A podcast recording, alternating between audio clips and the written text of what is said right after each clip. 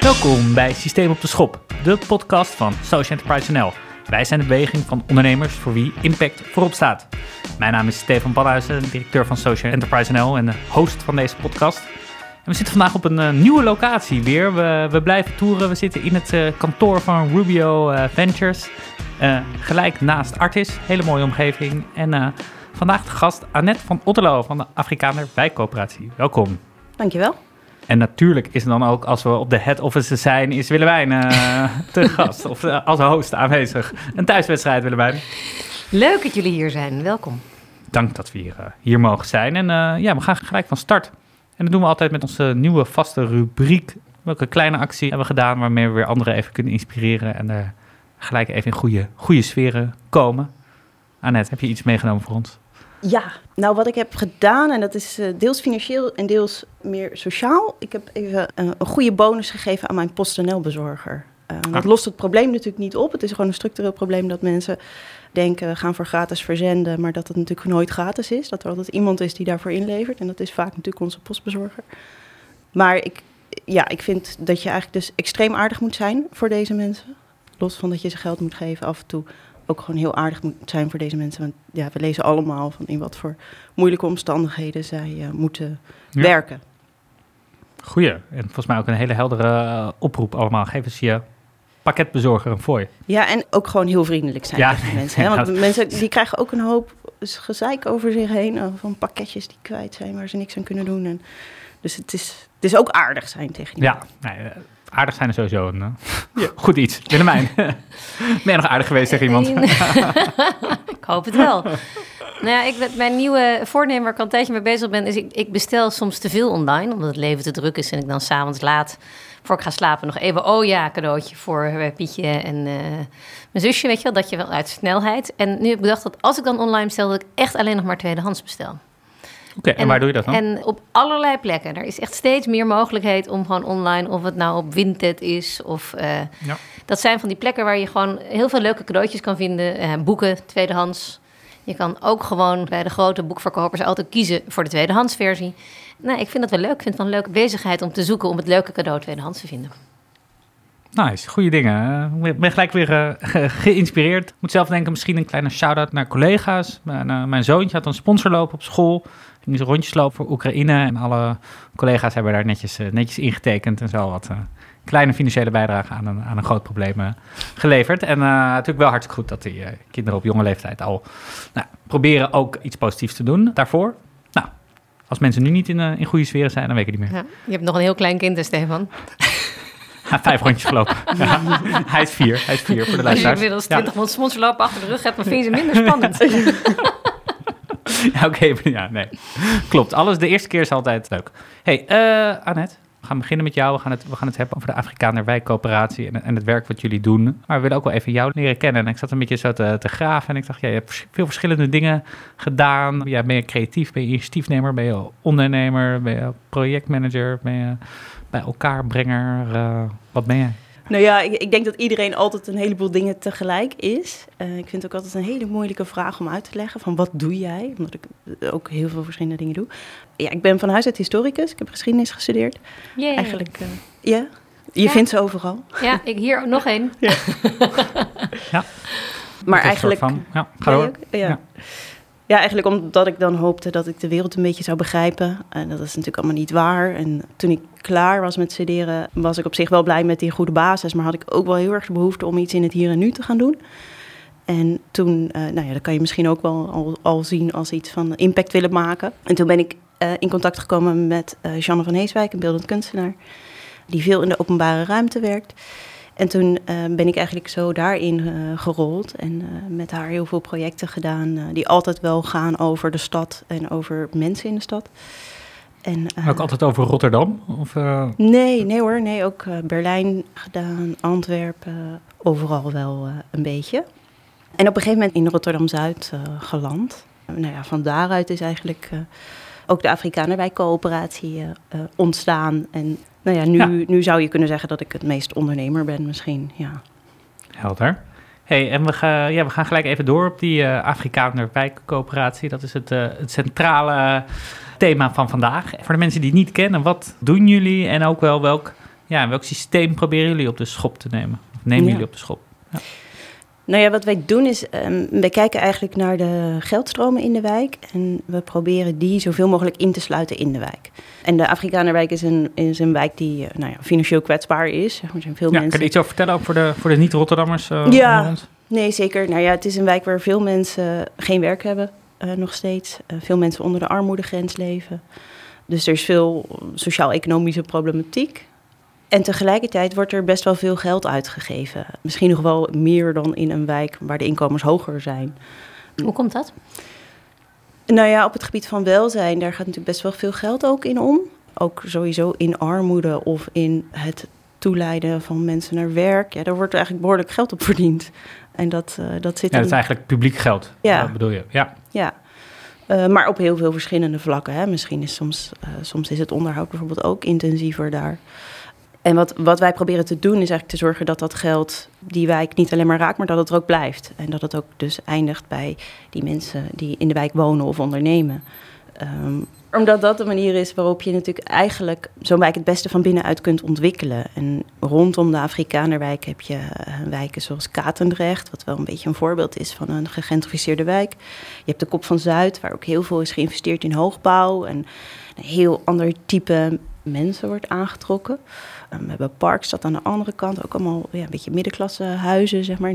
Toen wij begonnen in de Afrikanerwijk was er nog helemaal geen sprake van ontwikkeling van buitenaf. Maar je kon wel voelen dat dat eraan zat te komen. En we hadden zoiets van, kunnen we niet onderzoeken hoe je eigenlijk een inclusieve ontwikkeling op gang kunt brengen. Dus de bestaande bewoners en ondernemers te zorgen dat die kapitaalkrachtiger worden in plaats van het aantrekken van kapitaalkrachtiger mensen. Want anders ja, ben je alleen nou, het ja. probleem aan het verplaatsen. En hoe doen jullie dat? En woon je zelf ook in de wijk? Nee, nee, nee, nee. Dus, dus het, het voelt hoe wel... kwam je in die wijk terecht dan? Even te begrijpen nou, hoe eerste... je verzint dat je dat daar moet ontwikkelen. Nou, wij hadden dus een studio daar, zeg maar, als, uh, als kunstenaars.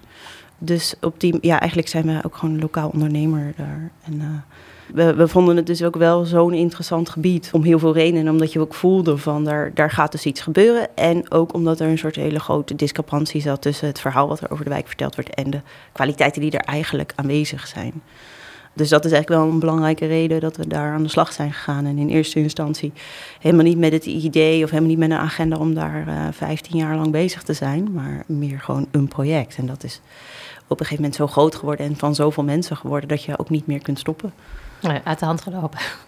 Maar wilde je, wilde je in eerste instantie de reputatie van de wijk verbeteren? Begon het daarmee? Of? Nee, ik denk dat dat een beetje te simpel is. Wat wij eigenlijk wilden was dus kijken van kun je de wijkeconomie versterken?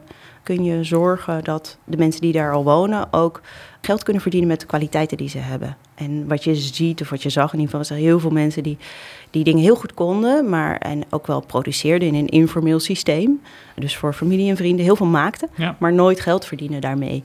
Daar wilden we eigenlijk kijken van kun je nou een model ontwikkelen waardoor mensen met dat wat ze al doen wel geld kunnen verdienen omdat je op die manier, denk ik, de wortel van het probleem ook aanpakt. En dat is toch wel ook vaak armoede. Ja, helder. En, en hoe doen jullie dat dan? Is, is de volgende vraag. Of is dat gelukt? Wat voor activiteiten vinden er plaats binnen de coöperatie? Nou, inmiddels doen we dat op een heleboel verschillende vlakken. Een van de eerste dingen waar we mee zijn begonnen is eigenlijk een, eh, een cateringbedrijf. Ligt vrij voor de hand. Hè. Er zijn veel mensen die heel goed kunnen koken. Het is inderdaad vaak met nou, nieuwe Nederlanders, et cetera, wordt vaak een, ja. Ja, daar kom je toch uh, vaak op. En nou ja, we kwamen in contact met heel veel mensen die dus heel goed konden koken. En dat ook wel voor familiebijeenkomsten makkelijk voor 100 man deden. En dus feitelijk ook een catering zouden kunnen doen voor een externe. Maar uh, dat netwerk ontbreekt dan. Of de, ze hebben geen keuken die gecertificeerd is. Of geen uh, HCCP-vergunning of certificaat. Wat is dat? ja, ik vraag het me niet joh. Maar iets met hygiëne. Iets met, ik wil net zeggen, waarschijnlijk TH voor hygiëne. Ja. Ja, ja, ja. En wat we ook wel zagen was dat heel veel mensen in hun eentje minder ver zouden komen dan samen. En dat is bijvoorbeeld om het voorbeeld van die catering te blijven. Als je, we hebben iets van twaalf verschillende nationaliteiten in die keuken staan. En dat, dat maakt en het merk sterker, zeg maar. Maar dat maakt ook dat ze vrij flexibel kunnen werken. En dat je dat kunt inpassen in je eigen leven. En ook dat je niet altijd alles zelf hoeft te kunnen. Dus we hebben ook mensen die niet kunnen lezen en schrijven, maar wel heel goed kunnen koken. En anderen die wel kunnen lezen en schrijven, misschien iets minder goed kunnen koken. Dus wij kijken ook veel meer zo naar collectieven. Van hoe, hoe kun je nou collectief en coöperatief eigenlijk een, een klus klaren. Ja. Um, en jullie in de keuken staan, dus jullie, om te begrijpen hoe dat dan werkt, jullie hebben zelf een keuken gebouwd en daar de plek gecreëerd waar het cateringbedrijf uit de wijk zich kon ontwikkelen. Ja, nou, we hebben die keuken niet zelf gebouwd. We zitten in een oud pompgemaal, wat er, uh, nou ja, denk uh, 18 zoveel gebouwd is. En daar had ooit een restaurant in gezeten wat het uh, niet gered had. En die keuken die stond leeg. En eigenlijk is dat dus ook wel een goed voorbeeld van wat wij doen. Hè. Je hebt aan de ene kant heel veel mensen met capaciteiten. En aan het einde van de straat heb je een lege keuken. Dus dat ja. samenbrengen. En, um, en eigenlijk, ik zeg altijd, we zijn binnengekomen via de keukendeur. Want wij ja, die keuken werd eh, nadat het restaurant failliet was gegaan niet meer gebruikt.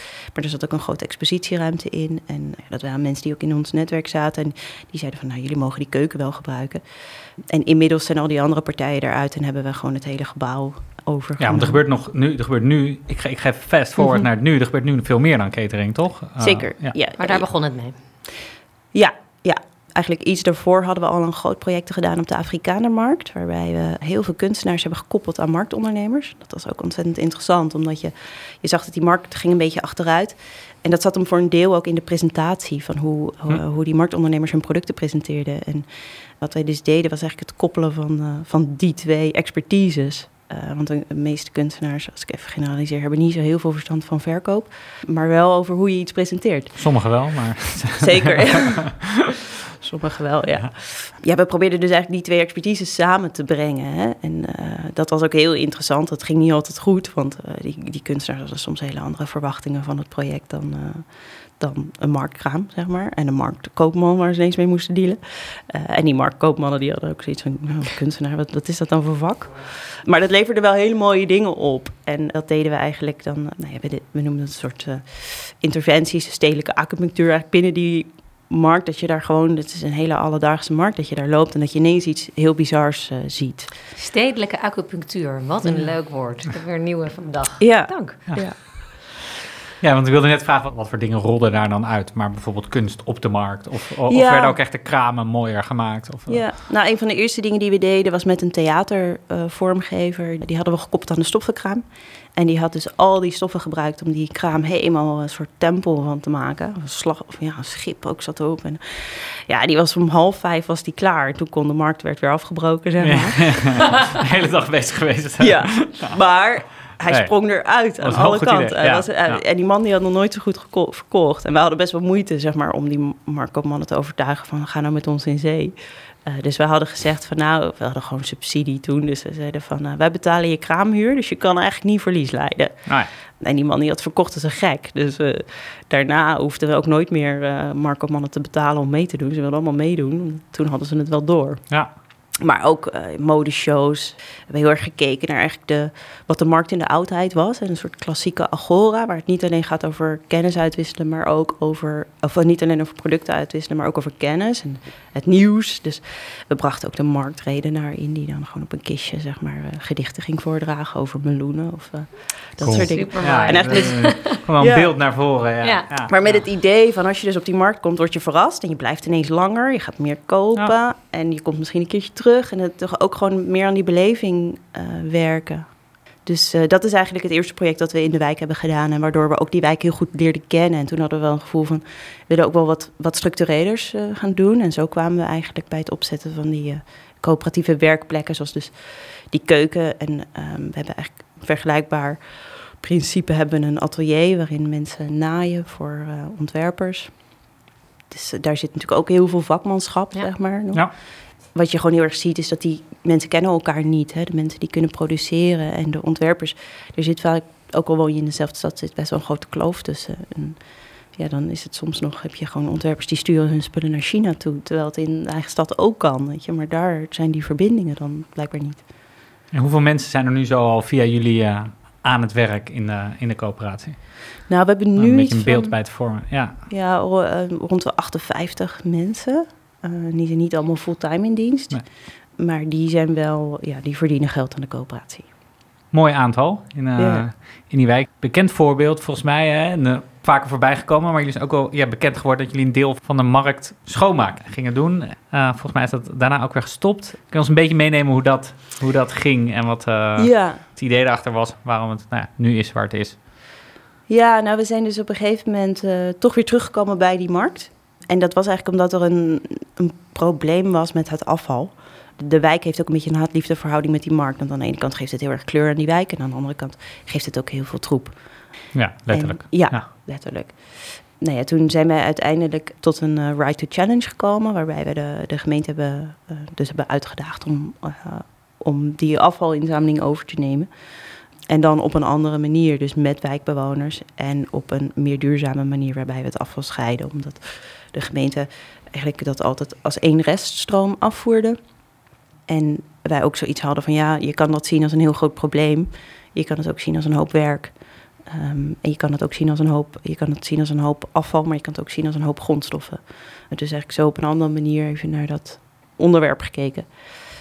En dat heeft dus uh, ja, geresulteerd in zo'n uh, Ride to Challenge. En dat hebben we toen twee jaar gedaan. Toen deden we alleen de papier, karton en plastic uh, inzameling. Dat is inderdaad op een gegeven moment gestopt omdat wij in conflict kwamen met de gemeente als opdrachtgever. Omdat zij iedere keer ons contract met een half jaar verlengden. En wij hadden mensen in dienst, zeg maar, die we op een gegeven moment ook gewoon een vast contract moesten geven en wilden geven. Omdat wij het gewoon belangrijk vinden dat dat ja, dat je juist ook aan die sociale zekerheid werkt. En dat je dat. En die mensen deden goed werk. Maar voor ons als ondernemer was dat op een gegeven moment veel te kwetsbaar. Dat was gewoon een grote opdracht waarbij we geen. Dus het risico lag bij jullie en, uh, en, en de gemeente die. Uh, ja. En waarom deden ze dat dan maar per half jaar? Wat is de ra rationaal van de gemeente daarachter? Nou, ik denk angst om echt te veranderen. He, dat het, uh, wat ik soms wel het gevoel heb van zoiets als een Right to Challenge, maar ook andere dingen die als pilot of als experiment worden neergezet, dat het dan toch even uh, hebben gecheckt, ja. uh, afgevinkt, geprobeerd. Terwijl wij zaten er wel echt in van om dat systeem te veranderen. Hè? Dat je echt, ja, niet dat je dan op een gegeven moment weer teruggaat naar alles afvoeren als één reststroom en die bewoners ontslaan. Hey, even Right to Challenge. Ik bedoel, wij weten hier wat het betekent, maar misschien niet alle luisteraars. Ja, nee, ja. ja, ja. Nou, dat is het recht wat je hebt om uh, de overheid uit te dagen om een taak over te nemen als je denkt dat je dat beter kan. Uh, en dan is, moet het in principe ook binnen hetzelfde budget, wat de gemeente anders daar zelf aan uit zou geven. En dat komt uit Engeland. Ja.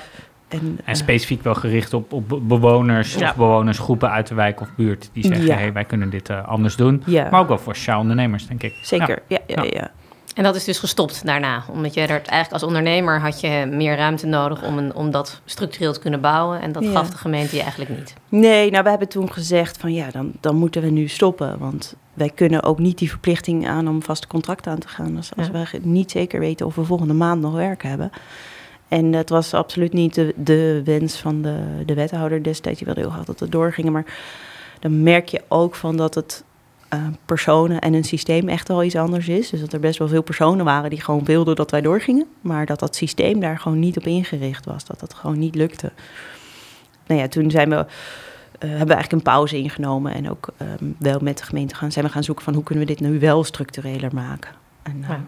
Dus nu zijn we ook gewoon weer bezig hoor. Oh, heel mooi. Ja, maar dat is voor ja, mij eigenlijk, het, het, voor mij is het, het beeld van de Afrikaner wijkoperatie dat juist heel veel wel gelukt is. Zeker. Dat jullie daarin echt wel een voorbeeld zijn in het verbinden van, van groepen in de samenleving en daar eh, ondernemend waarde te creëren. Mm. Zowel financiële waarde als ondernemer, maar ook echt waarde voor de wijk. Ja.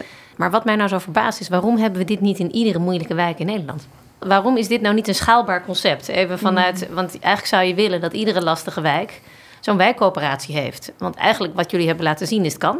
Mm. Met bevlogenheid. En natuurlijk, het, het vergt natuurlijk wel mensen die dat willen aanjagen en die creatief zijn om het te zien. Maar mm. jullie laten zoveel mooie modellen zien die kunnen werken. Met doelgroepen die vergelijkbaar zijn in andere achterstandswijken. Dus ja. zie jij er een hoop ontstaan? Want je bent nu 15 jaar bezig. Als ik dan om me heen kijk, zie ik weinig zelfredzame coöperaties die dit structureel succesvol doen. Ja. ja, ik denk dat er meerdere redenen zijn. Ik denk misschien wij hebben ook heel vaak op het randje van een afgrond, zeg maar. Maar dat je toch het gevoel hebt, en dat, dat gevoel heb ik nog steeds, van we kunnen gewoon niet stoppen. Hè. We kunnen niet nu, er zijn te veel mensen afhankelijk, dus we kunnen niet stoppen. En ik denk dat wij er ook, ja, we zijn er echt wel ingegroeid en hebben de, ja, die, die challenge is wel een van de echt moeilijkste dingen geweest. Ook omdat we daar enorm veel tijd in hebben moeten investeren. En dat is eigenlijk niet realistisch als je dat. Het verdient zich niet terug, die tijd? Absoluut niet. Nee. nee. Nee, en dat moet je dus net maar kunnen. En wij hebben kunnen starten helemaal in het begin dus met uh, mooie kunstsubsidies van Mondriaan Fonds en VSB Fonds. En dat gaf ons in eerste instantie wat ruimte om ook die wijk te leren kennen. En daarna waren we al zo ver dat we dus niet meer uh, konden stoppen. Maar ja, daar hebben we ook wel af en toe creatief moeten boekhouden met, uh, met wat andere projecten die we er nog naast deden. Of uh, ja, daar ja, mee spelen. Maar is dat een reden waarom het niet repliceerbaar is? Dat het financieel ingewikkelde momenten heeft gehad? Want Nee, ik, ik, kijk, ik denk nu, inmiddels zijn wij ook wel bezig om onszelf te dupliceren. Dus we zitten nu ook niet meer alleen in de Afrikanenwijk, maar ook in Vreewijk, dat is een tuindorp iets verderop. En in Zuidwijk, dat is nog wat dieper in Rotterdam-Zuid. En um, we willen het eigenlijk ook wel in ieder geval naar, naar meerdere financieel kwetsbare wijken in Rotterdam uitbreiden. Maar het vraagt dan wel betrokkenheid van mensen die daar heel diep lokaal geworteld zijn die de lokale component zeg maar, vertegenwoordigen. Dus wij hebben nu een model waarin we eigenlijk alles wat, alles wat ik saai vind, dus alles wat over werkgeverschap gaat, pensioenen, verzekeringen, al die dingen zeg maar, die je niet per se lokaal hoeft te organiseren, die hebben wij nu ondergebracht in de uh, wijkwerkcoöperatie. En die wijkwerkcoöperatie stellen we nu beschikbaar aan verschillende wijken die daar dus op aan kunnen haken. En die dus kunnen zeggen van, hé, hey, in mijn wijk wil ik ja, ook een, dienst opstarten die hier past. Dus die wil zijn eigen catering of zijn eigen schoonmaken en die kan dan de back-office zeg maar gebruiken van die entiteit, die andere coöperatie, die ze helpt met goed werkgeverschap en dat allemaal organiseren. Ja, en ook natuurlijk die financiële mhm. kwetsbaarheid wat minder maken. Hè? Want bijvoorbeeld de afgelopen twee jaar hebben we wel gezien van, uh, we hebben dan catering en, en uh, verhuur van ons gebouw. Het vervoeren we voor evenementen uh, en zo. En dat lag natuurlijk tijdens corona helemaal stil. Maar omdat we ook bezig zijn in, uh, als hoveniers en we leveren huismeesterdiensten. En we doen ook een heleboel dingen die gewoon doorlopen. En daardoor hebben we het toch kunnen redden. En dat is natuurlijk ook een soort van solidariteit die bij een coöperatie past. En die we dan ook heel graag daarin, in dat, nou, in dat systeem onderbrengen. Maar het zijn allemaal van die mooie lessons learned voor andere coöperaties. Dus zorg voor diversificatie. Want als het ene moeilijk gaat, dan kan het andere dat weer in balans houden. Ik zie daar zoveel mooie lessen in. Ja. Van maar dat vraagt natuurlijk ook een hoop onderhoud. Hè? En je moet dus inderdaad wel mensen hebben die daar echt betrokken in zijn en die die lange adem kunnen hebben. En die dat durven. En... Ja, dat, maar is, het ook, is het ook cultuur? Want je hebt in, Engeland die community enterprise, mhm. eh, die uh, op veel meer plekken actief is, die ook vaak over bedrijvigheid lokaal uh, gaat. En in Nederland heeft dat nooit echt wortel geschoten, in mijn beleving. Nee. Heeft dat nou, met onze cultuur te maken? Of is het het oneens, Stefan? Nou, ik, ik, ik denk dat er best wel veel gebeurt in uh, veel wijken en buurten. Alleen dat dat wel heel erg inderdaad lokaal gebeurt. En dat daar weinig wordt gezocht van... Uh, kan ik mijn lessen delen met anderen... of kan ik bij dingen waar ik heel erg het wiel opnieuw aan het uitvinden ben... kan ik daar... Uh, ja, uh, hangt er niet iets boven wat mij helpt om, uh, om de dingen die niet zo afhankelijk zijn van de lokale context, om daarbij te helpen. Dus ik, ik, denk dat er meer gebeurt dan dat je ziet, zeg maar. Alleen ja, de vraag is hoe ga je het zien zonder uh, nou ja, de hele dag heel ik Nederland door te rijden. Ik hoor opmerking komen. Ja.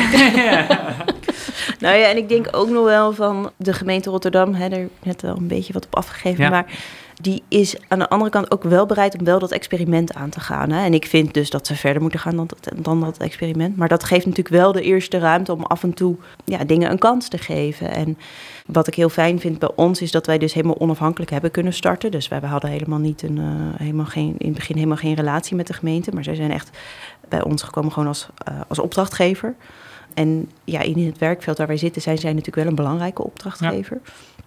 Dan merk ik daar dus wel, als ik het vergelijk met andere gemeentes, voor zover ik dat ken, dat, dat er bij de gemeente Rotterdam toch net wel iets meer ruimte is om, uh, om af en toe te Ja, dus dat, dat is denk ik een andere belangrijke reden waarom nog niet genoeg gebeurt. Dus ja, je komt toch, je komt toch in aanraking met de gemeente, of je nou in, eh, in, in Leeuwarden, Maastricht of uh, Rotterdam werkt, moet je nou helemaal ja. die publieke ruimte. Daar mhm. zit je aan te vroeten en ja. te wringen. En ja, daar maken wij ons ook druk om, maar daar ja, daar, daar moet nog veel veranderen aan die kant. En je hoopt ook andere gemeentes te inspireren met dit soort modellen, toch? Absoluut, die, uh, absoluut. Ja, dat moet ook wel gebeuren. Ja. En zeker ook zoiets zo'n shared back-office, dat lijkt me super nuttig. Want de meeste mensen die bezig zijn met dit soort projecten... ik ken er dan een aantal in Amsterdam, want dat ik een Amsterdammer ben... daar zie je ook heel vaak dat het na het misgaat... juist doordat dat stukje, dat hele creatieve, bevlogen mensen zijn... die heel goed zijn in verbindingen, maar niet goed zijn in de administratie... en het werkgeverschap en dan vastlopen uiteindelijk... Ja op dat stuk. Dus als je dat kan centraliseren in, in steden, zeggen we hebben een back-office waar je met je co-ops op kan, kan leunen om dit soort dingen ondernemend neer te zetten, mhm. lijkt me te gek. Ja, ja, en dat is natuurlijk ook iets wat wij allemaal met via schade en schande, zeg maar, wij zijn geworden. En waarvan ik denk, ja, dat wens ik ook niemand toe dat je dat weer helemaal zelf aan. Plus dat het je gewoon financieel ook weerbaarder maakt, natuurlijk. Ja. Heb je er wel eens wat over geschreven? Nee, daar heb ik geen tijd voor, joh.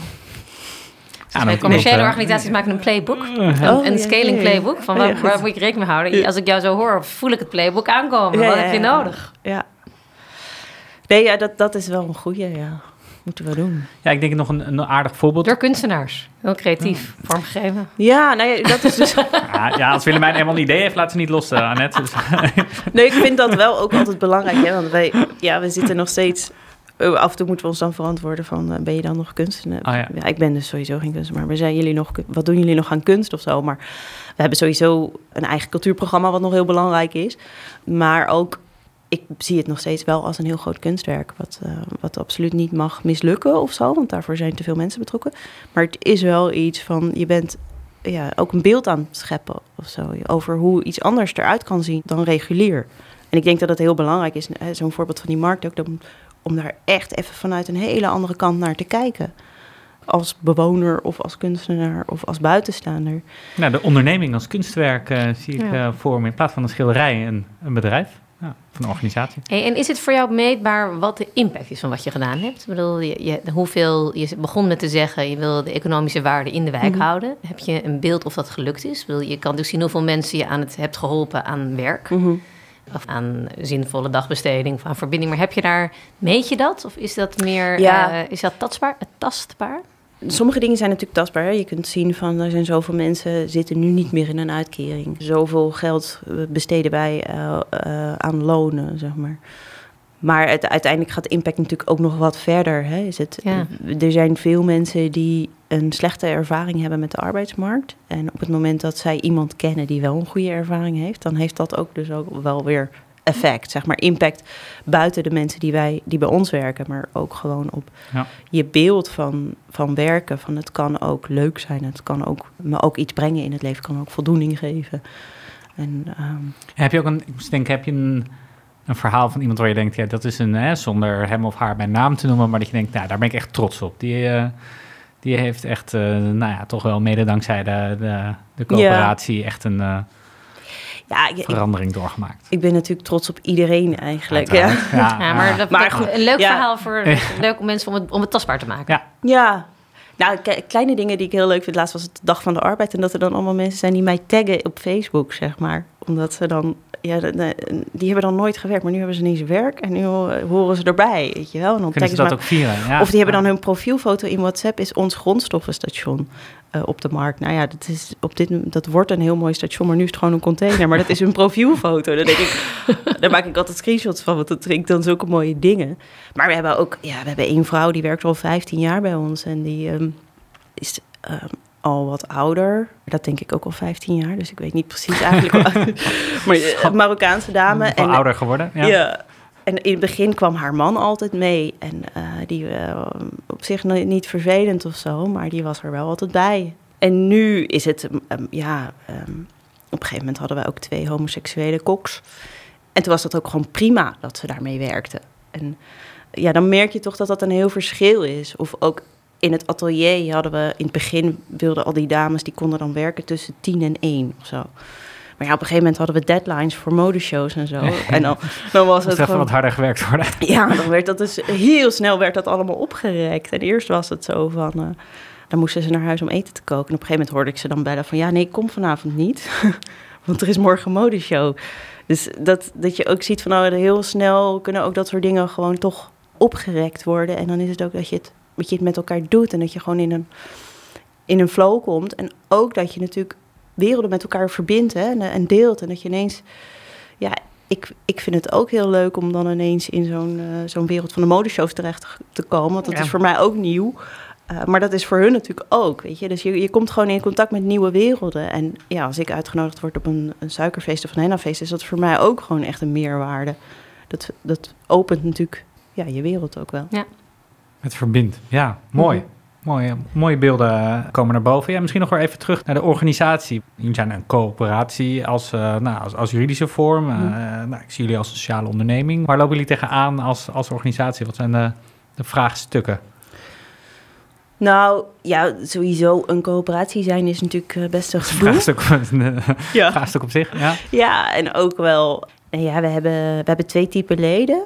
Dus we hebben in die stam, zeg maar, in die wijkwerkcoöperatie, daar zijn het de bewoners die, die lid zijn. En in de wijkcoöperatie zijn het ondernemers hoofdzakelijk die medewerkers, kijk, die zijn sowieso verbonden aan ons. Die zijn natuurlijk elke dag bezig en die voelen dat wel. Die ondernemers in de wijk, dat is best moeilijk om hun ook betrokken te, te houden. Want dat is veel vager. Hè? Dat is het, algemeen belang van je wijk. En daar hebben ze heel vaak ook niet echt tijd voor. Dus dat vind ik een lastige, zeg maar. Dat is denk ik wat er in alle coöperaties speelt wel. Van hoe hoe deel je nou echt die verantwoordelijkheid? En hoe zorg je er nou voor dat dat in balans is en dat niet sommigen uh, veel meer dragen dan anderen? Dus dat is. Maar is dat, niet utopia? ja, nee hoor, dat, dat is ook zo. En ja. Dat is het kunstdeel. Misschien. Ja, nee, maar het, is, het, coöperatieve model is natuurlijk heel mooi in het ideeel, maar in, hoe het zou kunnen werken. Maar de praktijk is natuurlijk zelden zo dat het mm. gelijkwaardige bijdrage is van een hele coöperatie. Het zijn toch altijd een aantal mensen die ja. op zijn Rotterdams die lullen, een aantal mensen die poetsen en een aantal mensen die uh, achterover hangen. Ja. Um, dus daar, daar, dat hoort natuurlijk ook wel een beetje bij. Heeft dat, is dat dan met name een probleem omdat de activatie van die mensen lastig is? Of omdat je het, vanuit het ideaalbeeld dat je ze vindt dat ze betrokken moeten zijn? Ja, dat laatste denk ik. Okay. Ja, dat je dat toch het. Uh, ja, het is het klopt denk ik dat je wat je zegt, dat is gewoon een utopisch beeld wat we hebben van een coöperatie natuurlijk. Hè. We, doen, we doen het met z'n allen. En, maar echt met z'n allen is natuurlijk altijd ontzettend ingewikkeld. En, en iedereen heeft hele begrijpelijke redenen waarom dat soms niet lukt of zo. En nou ja, aan de andere kant, binnen de, zeg maar, als onderneming merk ik wel wat ik, waar ik de laatste tijd steeds meer moeite wel mee heb, is dat het toch wel, we zitten in velden waar je niet superveel niet een heel hoog uurtarief kan vragen. Dus bijvoorbeeld in de schoonmaak of zo. Ja. We moeten concurreren met andere bedrijven. En, uh, en op de bouw zijn we nu ook bezig. Ja, dat zijn zulke armzalige uurtarieven die je kan, kan vragen. Dat wij onze mensen ook niet heel veel meer dan het minimumloon kunnen betalen. En ik merk nu gewoon heel erg dat dat voor veel mensen niet meer genoeg is. Of dat het echt spannend is. Uh, of ze het einde van de maand halen. En dat er toch steeds meer mensen komen waar waar loonbeslag uh, of beslag op loon gelegd wordt. Of echt wel problematische schulden ontstaan. Er waren er natuurlijk al veel, maar het gaat nu echt, sinds dit jaar merk ik dat gewoon dat het hard en gaat. En combinatie, dus, dus de hele concurrerende sectoren, waar natuurlijk ook mm. veel met, met uitzendkrachten waarschijnlijk door, door jullie concurrenten wordt gewerkt. Dus dat zijn allemaal zo'n race to the bottom uh, qua ja. tarieven. Aan de andere kant natuurlijk ja, inflatie in, voor je boodschappen. Dat is een giftige cocktail. Ja, ja, energieprijzen. Dus dat, is, dat vind ik gewoon heel ingewikkeld. En, en ik zou, ja, ik, ik wil natuurlijk eigenlijk iedereen minimaal die 14 euro betalen. Uh, maar dan ben ik al mijn klanten kwijt. Dus dat is. Ja, want er zijn, zijn er geen opdrachtgevers aan wie je dat uit kan leggen? Je zegt, ik kost 2 euro duurder, maar. Soms wel, maar dat is nog niet altijd iedereen. En daarbij is ook, we hebben ook klanten die uit de buurt komen en die we niet altijd de volle prijs kunnen vragen. En uh, ja. ja. ik wil altijd, uh, ja, bijvoorbeeld het gemaal, die zaal die we verhuren, ja, die wil ik dan toch ook wel voor zoveel mogelijk partijen gewoon beschikbaar stellen, ook uit de wijk, die niet altijd heel veel geld hebben. En soms ook wel, hè, want voor een henna-feest wordt er gewoon dik betaald. Dat, uh, dat, dat vinden mensen het waard. Maar er zijn ook soms, ja, we hebben ook de, de Kaapverdiaanse Vrouwenvereniging die wel eens bij ons wil, uh, een, een, evenement wil organiseren. Ja, dan, dan kan ik niet de volle prijs vragen. En dat wil ik ook niet, want ik wil dat die gewoon komen. Maar als je al die dingen ook mee moet calculeren in je prijs en je wil ook nog 14 euro uh, uitbetalen. En, uh, nou ja. Dat vind ik wel een, best ingewikkeld. Um. Snap ik. Is ja, begrijp ik. Is niet eentje die wij hier zo 1, 2, 3 voor je oplossen, ben ik, ben nee. ik bang. Je hebt zilver, de keuzes die jij maakt, doe je dat allemaal alleen? Of hoe wordt, hoe wordt de organisatie geleid? En, en zijn, hebben jullie daar ook nog andere mensen voor nodig? Nou, ja, sowieso in een coöperatie doe je natuurlijk nooit iets alleen. Eigenlijk is het wat ik vooral, waar ik vooral mee bezig ben, is het ontwikkelen van nieuwe diensten binnen de coöperatie. En het opzetten. En vervolgens zoeken we dan ook wel experts zeg maar, bij bepaalde takken. Hè. De catering vraagt een andere projectleider dan uh, de bouw. Dus we hebben een aantal projectleiders, zeg maar, die uh, de verschillende takken ja, zorgen dat het allemaal goed loopt. En uh, we zijn wel een hele platte organisatie, dus zo min mogelijk hiërarchie. En dat, dat vindt ook niet altijd iedereen uh, makkelijk. Zo, dat kan ik wel vinden, maar dat, ja, mensen zoeken soms toch ook naar, naar een soort van rolverdeling. Dus ja, en we hebben een, ja, een, een harde kern van een, een, team van ongeveer vijf, die, die meer in die algemene organisatie zitten, zeg maar. Dus die zich, nou of, of die zich bezighouden met, met de projectleiding van de verschillende takken, maar ook bijvoorbeeld ja, iemand die de vormgeving doet, iemand die de administratie doet, iemand die de HR doet, dat soort uh, functies hebben we uh, in huis. En eigenlijk, we hebben een tijdje een zakelijk leider gehad en nu we dat even wat extern ondergebracht. Maar ik merk wel dat dat ook nodig is. Dus daar, hebben we, daar komt binnenkort een factuur, vacature.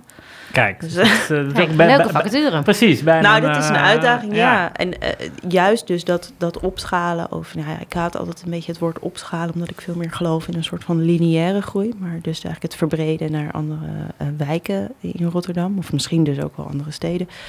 Dat is eigenlijk een taak van, die we bij die zakelijk leider ook neer willen leggen. En kijken van we leven al uh, ruim tien jaar. De gaat steeds, ja. we groeien. Maar kunnen we het financieel nog gezonder krijgen? En dat het iets uh, stabieler en rustiger is. En dat we dus op een gegeven moment wel misschien wat hogere lonen uit kunnen betalen. En, ja. ja, dus iemand die eigenlijk moet zorgen dat er gewoon enerzijds wat meer, meer geld binnenkomt, maar anderzijds ook kijken, nou, hoe kunnen we inderdaad het zo organiseren dat er op meer wijken, plekken in het land profijt van krijgt. Ja, ja. en zonder voorbij te gaan aan dat lokale, wat ook iedere keer heel belangrijk is. Hè? Want als het te veel een soort van model wordt, wat je uitrolt alleen maar, dan heb je dus kans dat je voorbij gaat aan lokale kwaliteiten die er zitten. Misschien. Ik denk dat potentieel een goed, een goed voorbeeld daarvan is de buurtcamping. Mm Dus de buurtcamping is ooit volgens mij gestart in Amsterdam. En zij hebben nu een soort uh, klein head office. Maar er zijn dus door het land verschillende stichtingen, de buurtcampings, uh, nou, weet ik veel, Venlo, Heerenveen. En die die organiseren hun eigen uh, buurtcamping, maar worden dan door,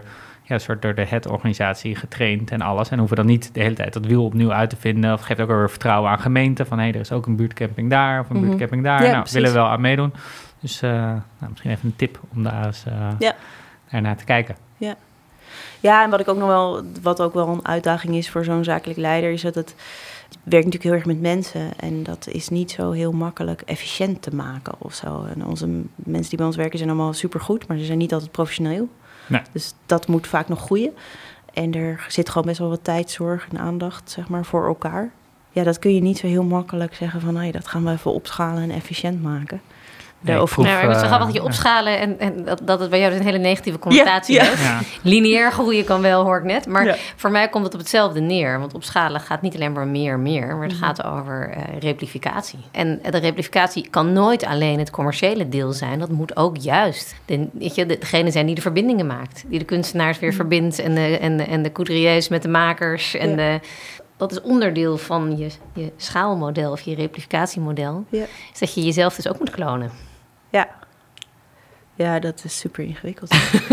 hey uh, Annette, we gaan een beetje rustig gaan naar de, naar de mhm. afronding. Uh, we hebben veel geleerd en veel gehoord inderdaad van ik denk, de balans vinden tussen het lokale houden, maar toch, ja, er, zijn, er is nou helemaal heel veel te doen, laat ik zo mhm. zeggen. Dus dat is denk ik een beetje de, de rode draad van vandaag. Jullie werk is erkend met het, uh, het winnen van de Butterfly Award. Ah, dus, de Butterfly Award, ja, ja. ja. dat is altijd goed om te noemen als we een, een winnaar spreken. Uh, en aan wie hebben jullie hem doorgegeven? Ja, weet u dat al? Is dat al bekend? Ja, ja, ja, ja. dat was nog even ingewikkeld, maar... Ja, begreep uh, ik, ja. Nee, we, we, weten het. Ja, dat is een... Uh, ah, dan is dit een goed moment om te vertellen. Ja, ze weten het nog niet. Maar nee, ze luisteren maar, niet. Hè. Nee, nog niet, niet live, niet live. Nee. De Stichting Lalibela, en dat zijn een aantal mensen die ook parttime bij ons werken. En daarnaast een stichting runnen, waar ze veel met um, vluchtelingen uit Ethiopië werken. Dan uh, doen ze allerlei klusjes voor mensen in, uh, nou ja, die het niet heel erg breed hebben. En dat doen ze gezamenlijk met, die, uh, met veel mensen uit de Ethiopische community. Nou ja, als ze af en toe wat geld over hebben, dan sturen ze ook nog geld naar Ethiopië. En zij komen vanuit de Rastafari community. En dat is eigenlijk een hele mooie gemeenschap, heb ik wel nu geleerd. Weet je, waar het ook heel erg gaat over broederschap en elkaar helpen. En zorg dragen voor de aarde en voor elkaar. En, nou ja, ze, Mooi, Stichting Lalibela. Ja, ja, misschien moeten voor de luisteraar die de Butterfly Award niet kent. Het is niet een competitie. Het is een, uh, een initiatief om ze nu dan een heel bijzonder project, een bijzondere onderneming in het zonnetje te zetten. En die wonnen jullie, uh, of jullie winnen dan dus niet, maar die krijgen jullie dan. En, maar het idee is dat er een pay it forward component in zit. En dat je een deel van de geldprijs ook doorgeeft aan een initiatief wat jou weer inspireert. En uh, dat is de Butterfly Award, geïnitieerd door Flowfund. Stichting Flowfund. Ja, dus um, wel heel leuk. En uh, heel leuk dat jullie dat weer door kunnen geven. En uh, nou, hopelijk krijgen zij er ook weer extra aandacht door. Ja. Nice. Mooi. was heel mooi om te krijgen en heel mooi om door te geven ook. Dus, dat. Leuk. Dankjewel, Annette. Ja, jullie Dankjewel, uh, Willemijn. Ja, superleuk. Ik heb er heel veel geleerd. Heel inspirerend, dankjewel.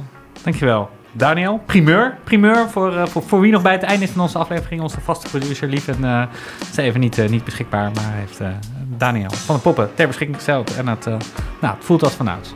Dus dank allen en op naar de volgende.